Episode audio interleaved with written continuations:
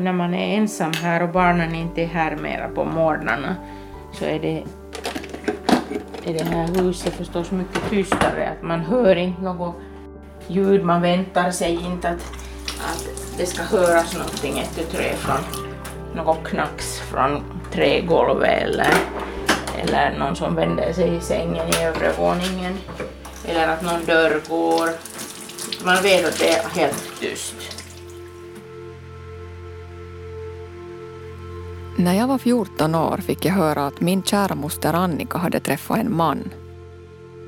En konstnär från Savolax. Mannen hette Pauno Pohjolainen.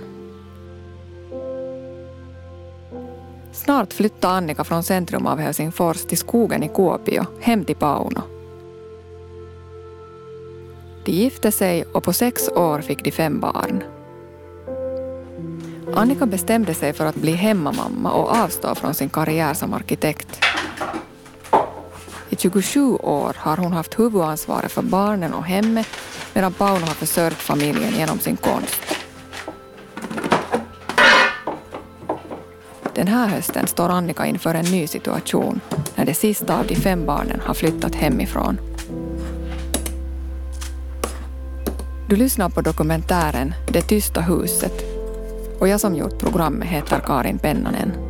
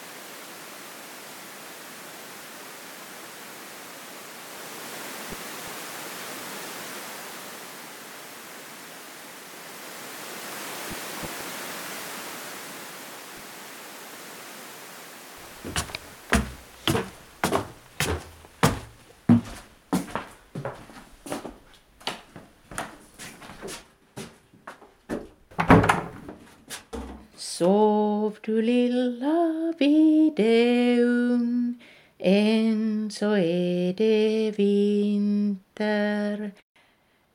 Om jag minns rätt så var det två stycken eh, våningssängar och en pinnsäng. Och alla barnen sov här i något skede tillsammans. Och då var Eliel, vår yngsta, alltså liten vava. Och jag kommer ihåg att han hade ibland jättesvårt att somna. Och jag höll honom i famnen och jag gick runt i en cirkel här i det här rummet. Jag, det var mörkt i rummet och alla låg i sina sängar och väntade på sömnen. Och jag gick och gick och gick i en cirkel och så sjöng jag. En så sova björk och ljung, ros och hyacinter. Än så är det långt till vår innan rönn i blomma står. Sov du lilla vide, än så är det vinter.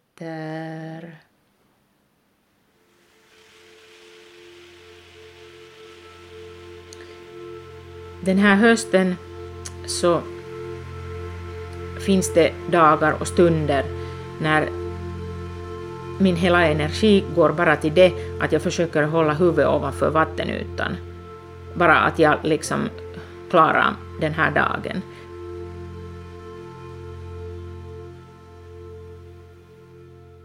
Emellanåt så har jag nog varit alldeles hemskt deppig. Um, när man har varit så jättekoncentrerat en mamma hemma och liksom gett sitt allt till det. Så sen så känns det ett tre liksom att jaha, att var det här nu här? Var det här nu mitt liv? Och är det här nu slut? Och nu den här hösten så är det den, det sista barnet, Eliel, som på sätt och vis har flyttat bort hemifrån för han har börjat i armén. Men han kommer ju hem ändå alltid emellanåt när han har ledigt på veckoslutena och alltid emellanåt kan han komma bara på kvällen också hem. Um, att det, det, är, no, det är ett, ett stort skede i livet som har bara tagit slut.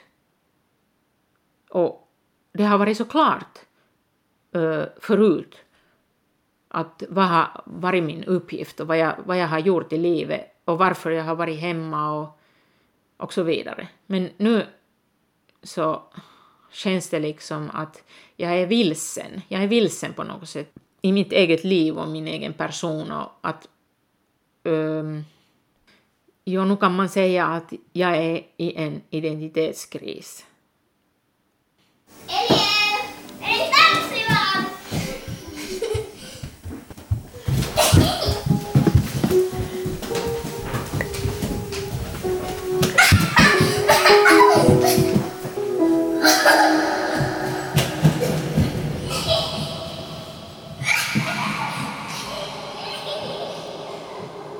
Jag brukar alltid ladda kaffekokaren färdigt. På kvällen så behöver jag inte tänka på den saken på morgonen utan jag kan bara trycka på knapparna. Så börjar det komma kaffe och te. Pano brukar ju vakna tidigare än jag. Kanske någon gång, någon gång vaknar han vid fyra tiden och han brukar fara rakt till, till sitt arbetsrum som är ett par kilometer härifrån. Sen när jag har vaknat och har lagat morgonmålet färdigt så brukar jag texta till honom att nu är morgonmålet färdigt och sen kommer han därifrån och äter morgonmål hit hem.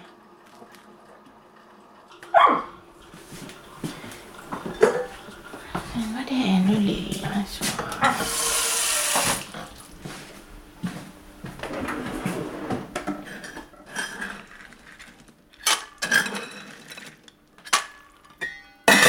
Så.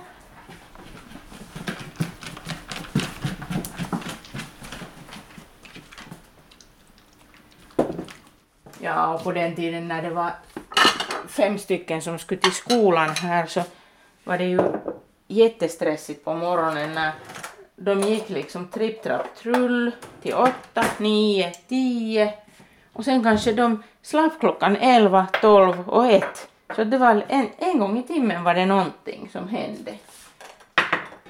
Sen fick man gå och, eh, och dra upp dem från sängarna där och, och sen kanske om fem minuter på nytt säga att hej nu måste du gå och stiga upp. Och sen att, att de har med sig sen alla rätta sakerna, liksom vilken dag de skulle ha skidor eller skridskor eller... Eh. Och nu kommer Paul. Hej! Huomenta. Miten sulla on mennyt aamu? Hyvin sitä ovehan minä olen tehnyt.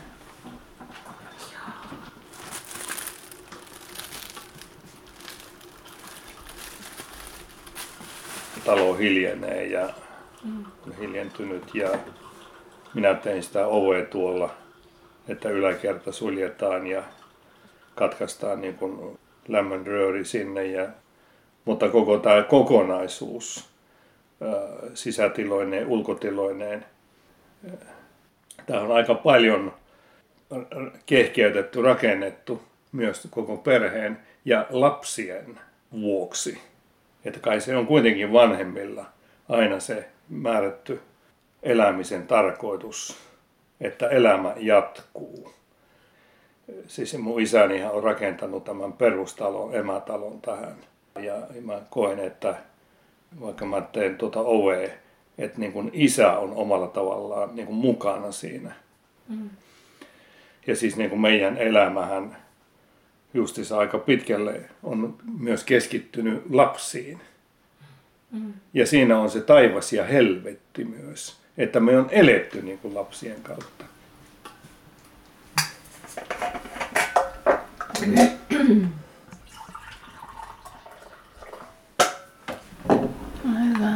Laitetaanko pöleet ja rostiin? Joo, kiitos. Yksi vai kaksi? Yksi.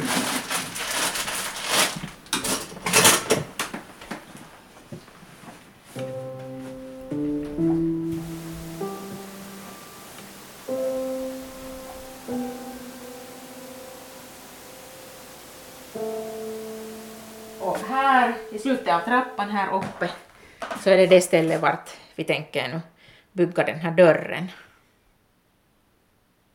Och vi har tänkt att eh, vi skulle skärma av den här övre våningen och hålla bara en grundvärme här uppe för att spara lite på, på elkostnaderna. Och sen på sommaren så kan man fast lyfta bort hela den här dörren.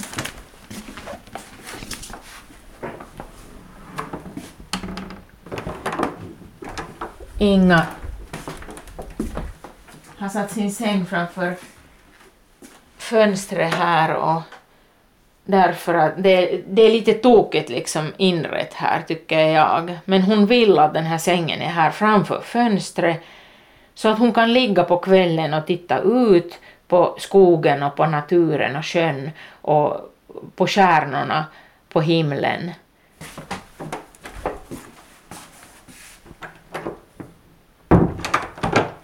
Inga valde genast liksom det minsta rummet. Det var underligt. Det här är Idas rum.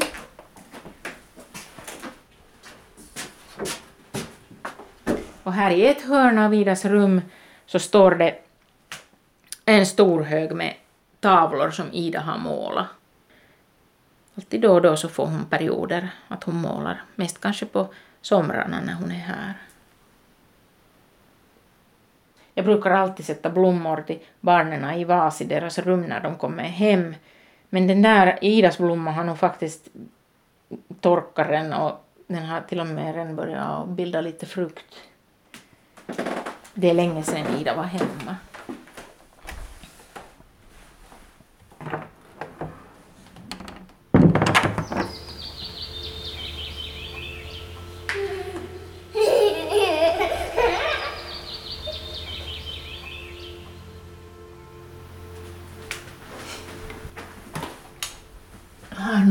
Finns säkert också min gamla sagobok när jag var liten. Skulle hon vara där? Här är den. Jo, jag älskar den här sagoboken. Den här heter Minun kotini. Och det var en liten flicka som gick omkring i sitt hus och visade alla rummen. Den börjar så här. Tässä on minun oveni. Avataanpa se. Tässä on minun huoneeni. Så ser man en bild var hennes säng är och leksaker. Och... Tänk att jag har fått klotta den här boken på det här viset. Heipä hei, nyt avataan toinen ovi. Ganska underligt att tänka sig att jag blev sen arkitekt. Jag fick den här boken av Ai joo, här står paljon onnea Annikalle toivoo faster Ragna. Det var min pappas syster. 8 11 1965. Jag var tre år då. Nyt me avaamme oikein suuren oven. Ja sitten me olemme ulkona.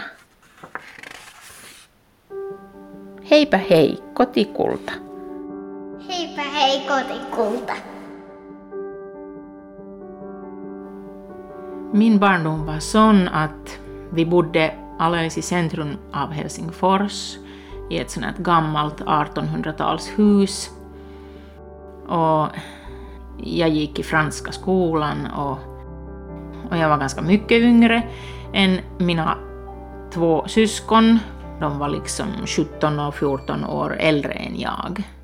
Och min pappa var apotekare och min mamma var lärarinna i modersmål i svenska.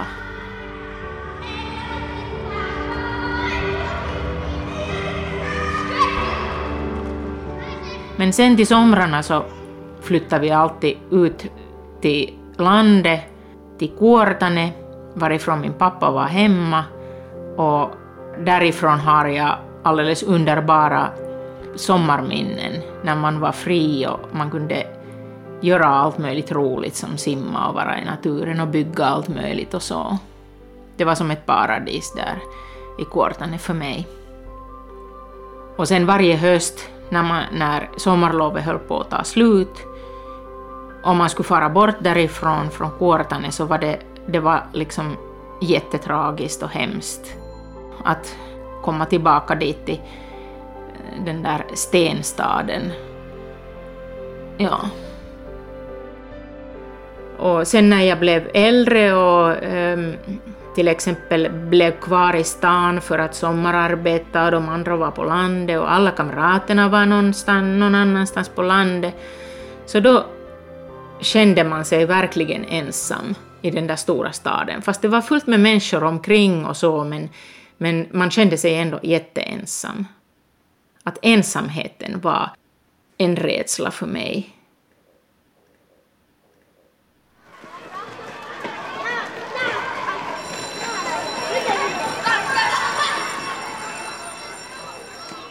Som alldeles liten, så där när jag gick i folkskolan ännu, så var jag säker på att jag skulle bli författare.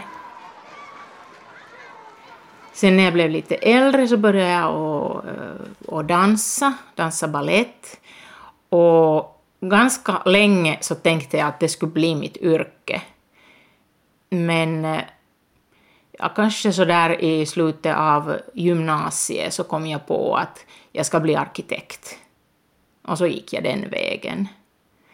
Sen senare har jag funderat, månne det var alls rätt. Borde jag ha blivit trädgårdsmästare istället. Och nu har jag ju funderat här redan några år att vad ska jag börja göra när jag blir stor? Och det har nog fötts några tankar, kanske någonting gror som kanske skulle ha någonting med trädgården och trädgårdsskötsel att göra.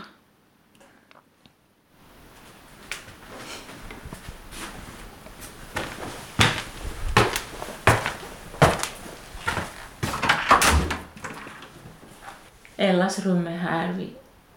Hon, hennes rum är liksom längst borta uppe i huset här. Hon har haft lugn och ro här. Hon behöver mycket ensamhet.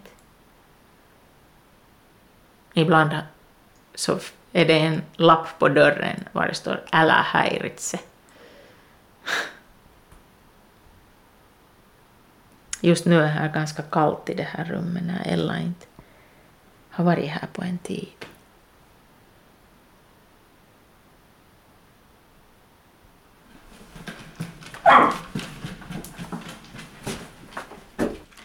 I början när jag kom hit fanns det ingen dörr mot sjön, men sen kom vi på att det skulle kunna vara bra att huset andas. Så nu finns det en dörr som går ut från köket och vardagsrummet rakt ut på terrassen. Och den dörren har använts alldeles otroligt mycket. På sommaren så står den uppe. Och det är en ganska hög tröskel här för snöns skull. Så den tröskeln har varit alla småbarns favoritplats att hänga på och liksom luta sig mot och titta ut.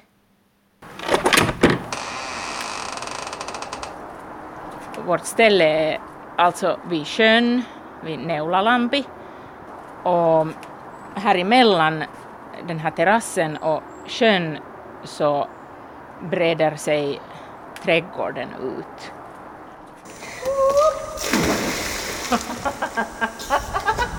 Pitäisikö tämä sukeltaa? No, nu får du komma.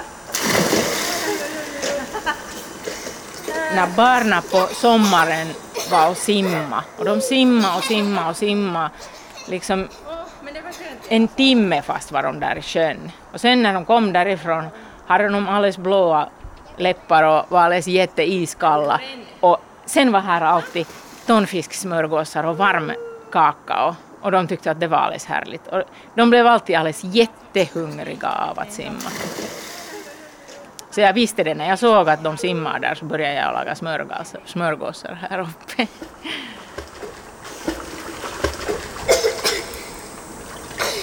Haluaisiko minun päälle? Hei, olkaa nyt vähän aikaa siihen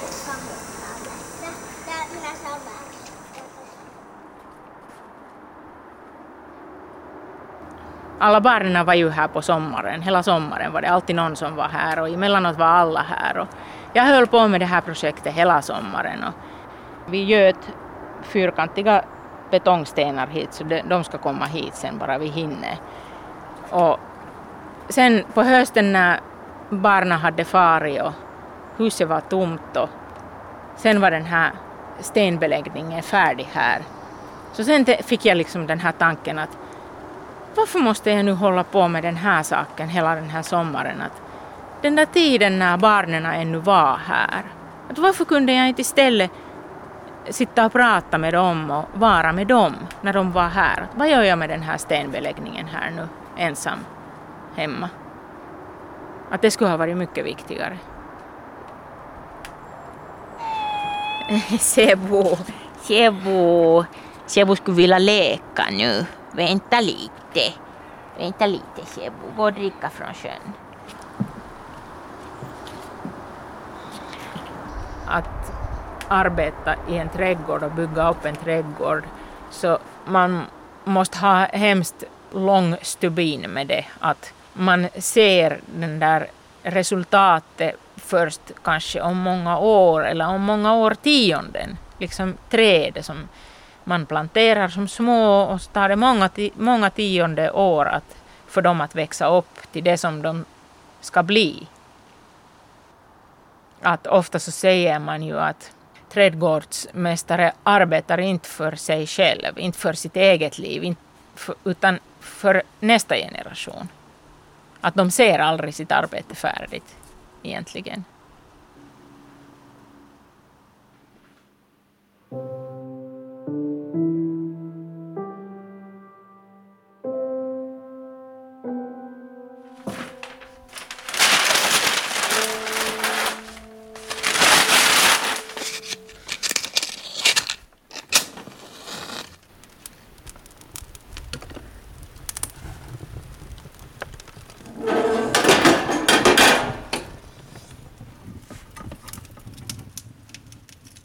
Jag hade redan en tid eh, när jag bodde i Helsingfors och arbetade haft som dröm att flytta någonstans ut på landet tillbaka liksom till den där min, mitt drömparadis från barndomen, barndomens Kuortane och, och få barn, eh, stifta familj. Det var min dröm just i det skede när jag träffade Pauno. Alltså jag hade ju jobbat några år på arkitektkontor i Helsingfors och eh, min syster som är eh, textilkonstnärinna föreslog till mig att vi skulle gå, fara tillsammans till Lappenranta till ett stensymposium. Jag blev genast intresserad av det för jag har alltid tyckt jättemycket om stenar. Och sen for vi dit och redan första dagen där vi satt liksom i en sån här auditorium och eh, det hade liksom börjaren och sen var det någon som knackade på dörren. Och alla vände sig ju och tittade att vem är det som kommer för sent. Och det kom in en, en man som hade långt hår eh, och det var på knut i nacken och han hade en stor mörkröd ylletröja på sig. Och han bad om ursäkt att han var försenad och satte sig eh, i publiken där och min syster viskade till mig att ja, det där är Pauno Pohjolainen, att han är en jättekänd konstnär i Finland.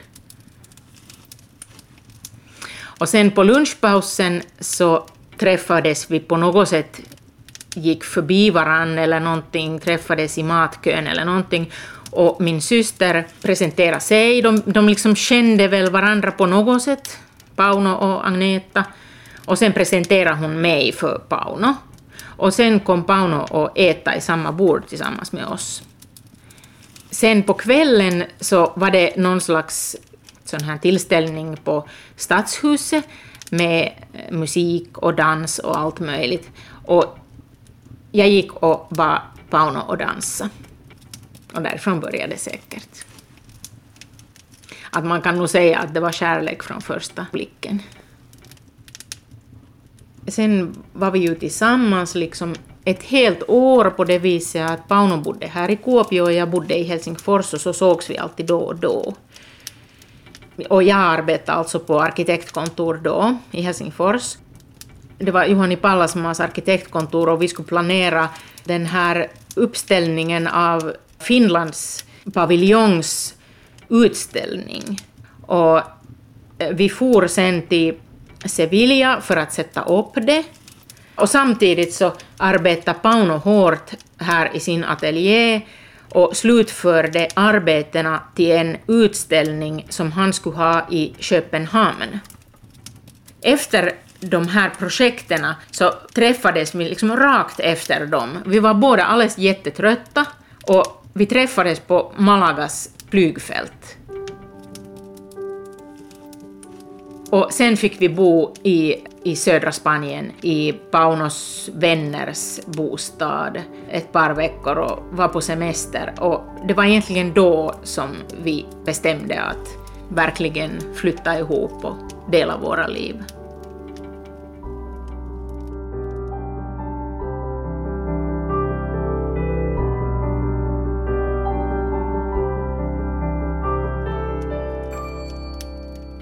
På den tiden var det ännu sandvägar och jag kommer precis ihåg hur vi åkte. Och sen kom vi till det här huset. Det var liksom jättespännande att se Paunos hem, som vi hade talat mycket om. Och genast första kvällen när vi hade suttit på restaurang då liksom ett år tidigare så hade Pauno rita det här hemmet och det här stället på en tändsticksask. Och nu fick jag se det på riktigt. Men sen när jag flyttade hit på riktigt så då liksom kände jag att jag ville markera det här reviren med mina egna märken. Pauno hade ju varit gift förut, precis som jag också, eh, men vi var båda skilda jag kommer ihåg att först så tog jag bort alla gardinerna härifrån och bytte några mattor kanske och alla möjliga sådana små saker. Och sen har det blivit liksom under årens lopp mera och mera och så har vi haft remonter här och allting. Så nu ser det liksom ut som mitt, vårt hem.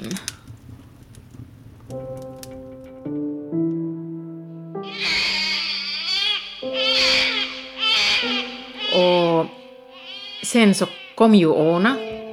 lite plötsligt kanske, men väldigt välkommet. Och så började vårt lilla liv här. Och efter Åna så kom ju Ella, Inga, Ida och sist lilla Eliel. Tripp, trapp, trull, alla fem barnen kom med en och en halv års mellanrum så att på sex år så hade vi fått fem barn. Mm.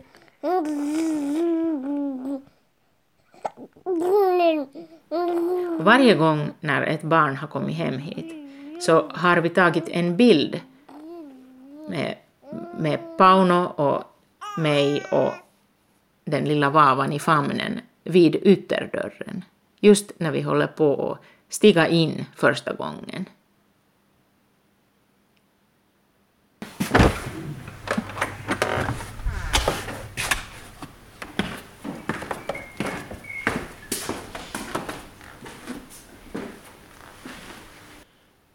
När man kommer in här så doftar det trä virke, sågat trä och ibland så doftar det också terpentin här och målarfärg.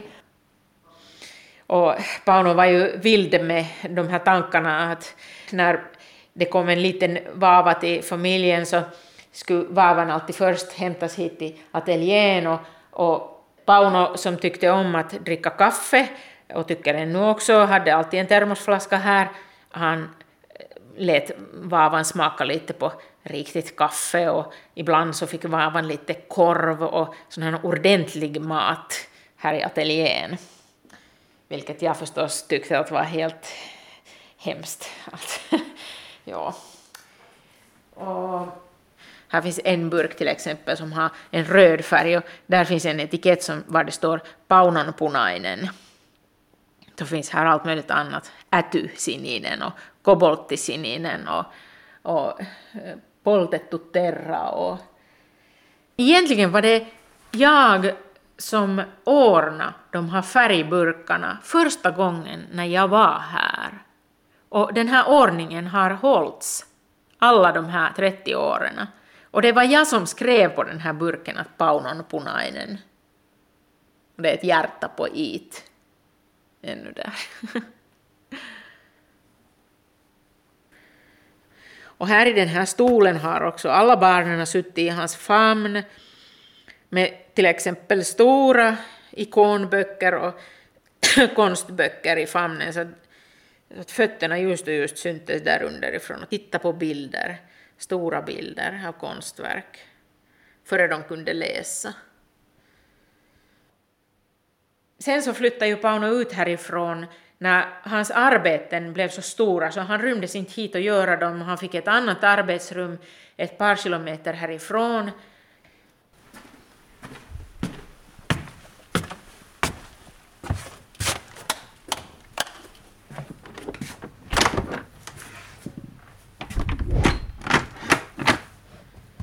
Och den här dörren var i vissa perioder stängd för mig, då när Pauno höll på med något stora konstverk och arbeten eller förberedde sig till en utställning, så då fick jag inte se de där arbetena som han höll på att bygga. Att de var liksom överraskningar till mig. Men barnen kunde alltid gå här.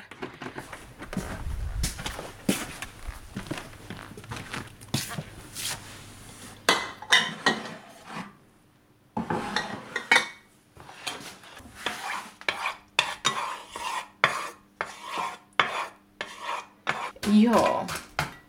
Alltså, vi gjorde ju en sån här äh, periaatteellinen päätös i början att äh, våra barn ska aldrig gå i något daghem. Och, så våra barn har varit hemma hela sin barndom ända tills de började skolan. Och det var ju underbart för dem att kunna sova så länge som möjligt på morgonen och sen och hålla på med allt möjligt här hemma. Och en annan sån här periaatteellinen päätös som vi gjorde då kanske före Oona också hade fötts, första barnet, så var att eh, det fanns ju en TV här i huset när jag kom hit. Eh, men vi bar den där TVn upp på vinden. Och där var den hela barnens barndom och så att våra barn har alltså haft en barndom utan TV. De har istället läst böcker och ritat och lekt och gjort med sina händer och det var nog ett tryck från omgivande, ska vi säga släktingar och kanske vänner också, att hur går det nu med era barns liksom sociala växande? Att komma överens med andra människor och kunna leka med andra barn och sånt där.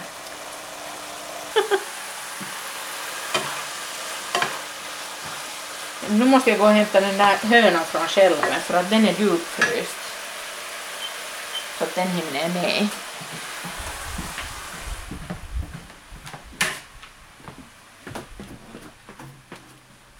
I början så hade jag nog alldeles jättesvårt här.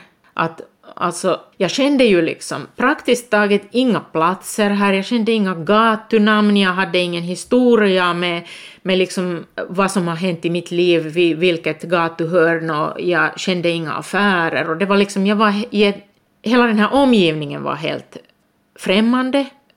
Det är klart att mina personliga kamrater blev i Helsingfors och jag sjöng i en kör, den blev också i Helsingfors och allt möjligt sånt här som jag hade hållit på med, så det blev ju där.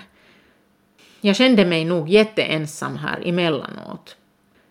Men sen när barnen kom och, och eh, det byggdes upp en egen familjekultur hos oss eh, som vi satt ihop liksom av Paunos kultur och min kultur och från den svenska kulturen med midsommarfirande och julfirande och allt möjligt så sen blev det ju en tradition på den kulturen och sen kände man sig hemma med, i sin egen familj här när det hade liksom uppstått en egen kultur.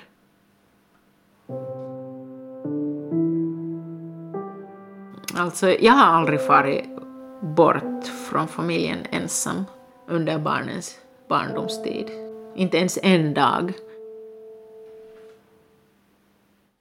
Härifrån kommer man upp på balkongen, Ånes balkong.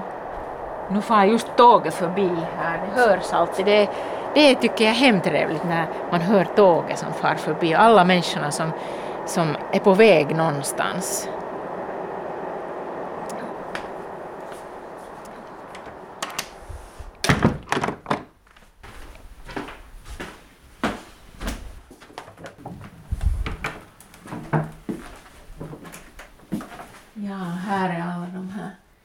här i barnens sagobokhylla så är det en hylla som jag har lämnat till alla möjliga dockor som barnen har gjort.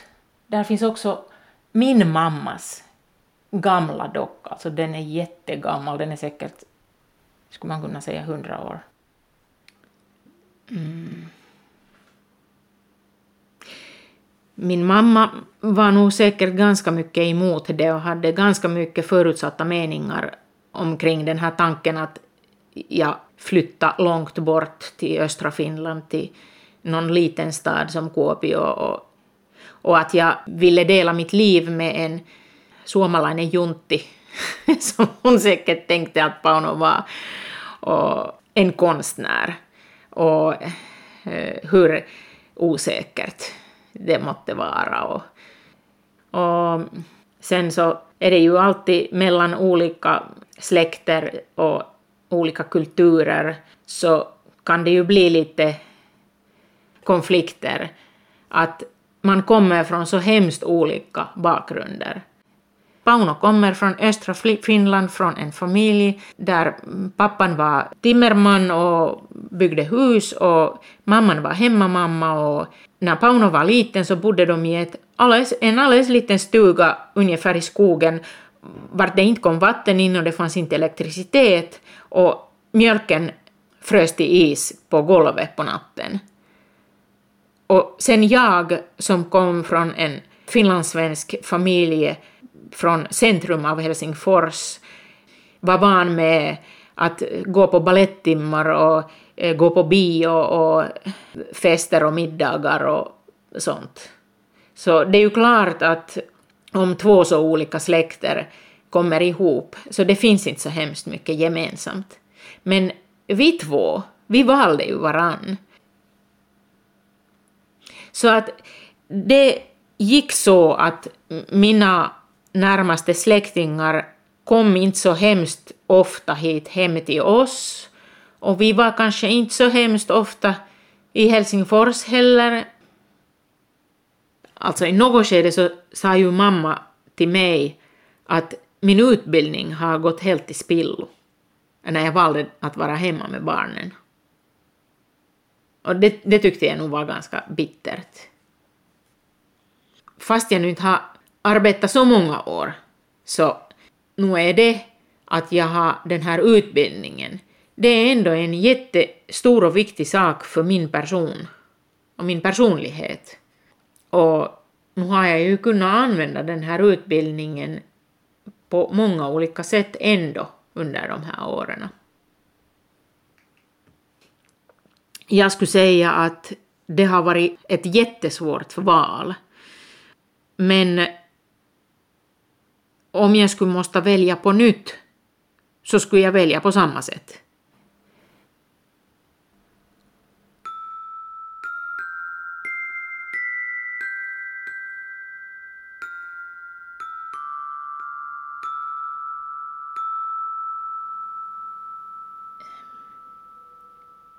En stund med Åna, när Åna var liten, minns jag väldigt väl, för den blev så jätteviktig för mig.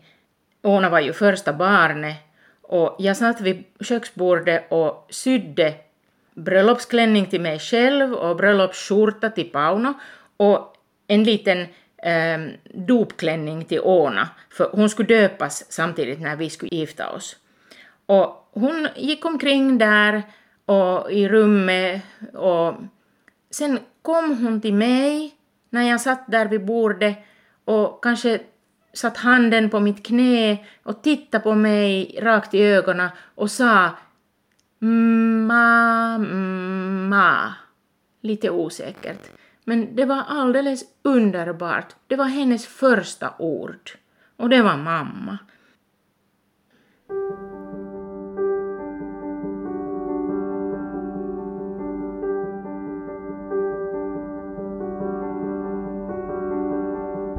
Hei. No hei. Minkälainen tilanne täällä on? No joo, tässä on tämä Tämä on tekele. aivan mielettömän hieno.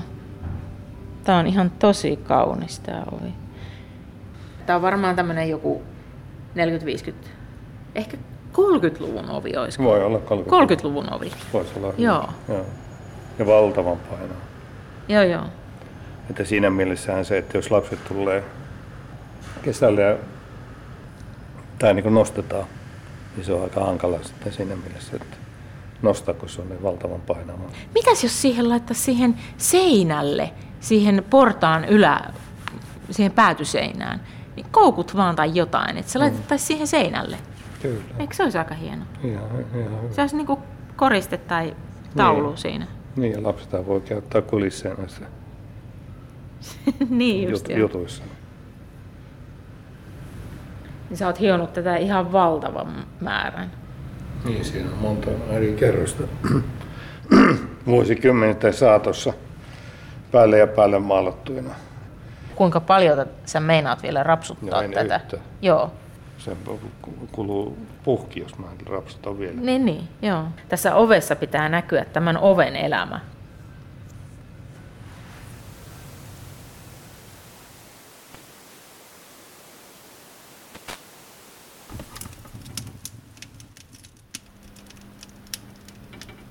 Jag borde byta de här ljusen här i de här takkronorna här vid köksborden.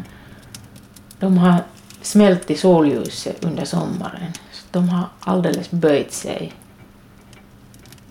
Jag byter dem senast till julen. Då sätter jag nya ljus i de här takkronorna. Sen till julen kommer alla barnen hem.